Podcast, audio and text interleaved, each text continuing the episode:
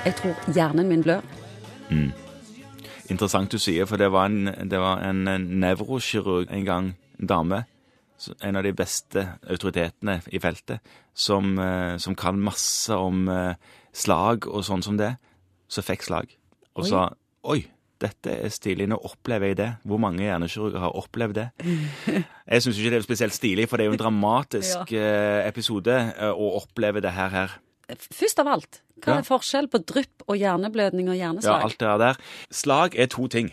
Slag er enten det at du får en tilstopping av blodtilførselen til hjernen, og da mister jo hjernen sin oksygentilførsel. En annen ting kan være at du får en blødning. Begge deler er på en måte dramatisk fordi at det hindrer hjernevev i å få blod. De to tingene er slag.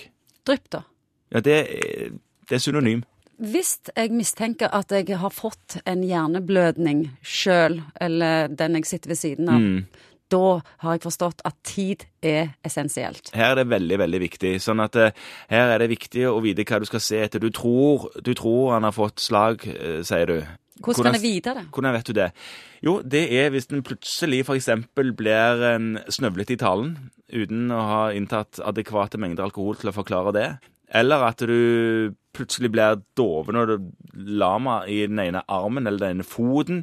Eller du ser at eh, hvis den smiler, så smiler den bare på den ene siden i ansiktet. Dersom en skal mm, spise eller drikke, drikke vann eller noe sånt som det, for eksempel, så renner vannet ut på den ene siden, for den klarer ikke å holde, holde munnen igjen på den ene siden. Og hvorfor er tiden så viktig? Fordi at hjernevevet tåler ikke å være uten oksygen mer enn kun kort tid.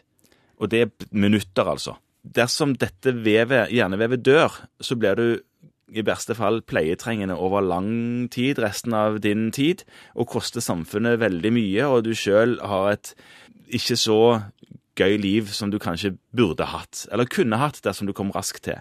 For hvis du kommer raskt til, så kan en gjøre inngrep og gi medisiner som gjør at, eh, at du får, det, får gang igjen på blodet. Og da redder du hjernevevet. Da får du ingen som helst ettervirkninger av slaget du hadde. Hvis du er langt vekke på ei hytte, og det vil ta lang tid før du kommer Lange tid før du får hjelp. Ja.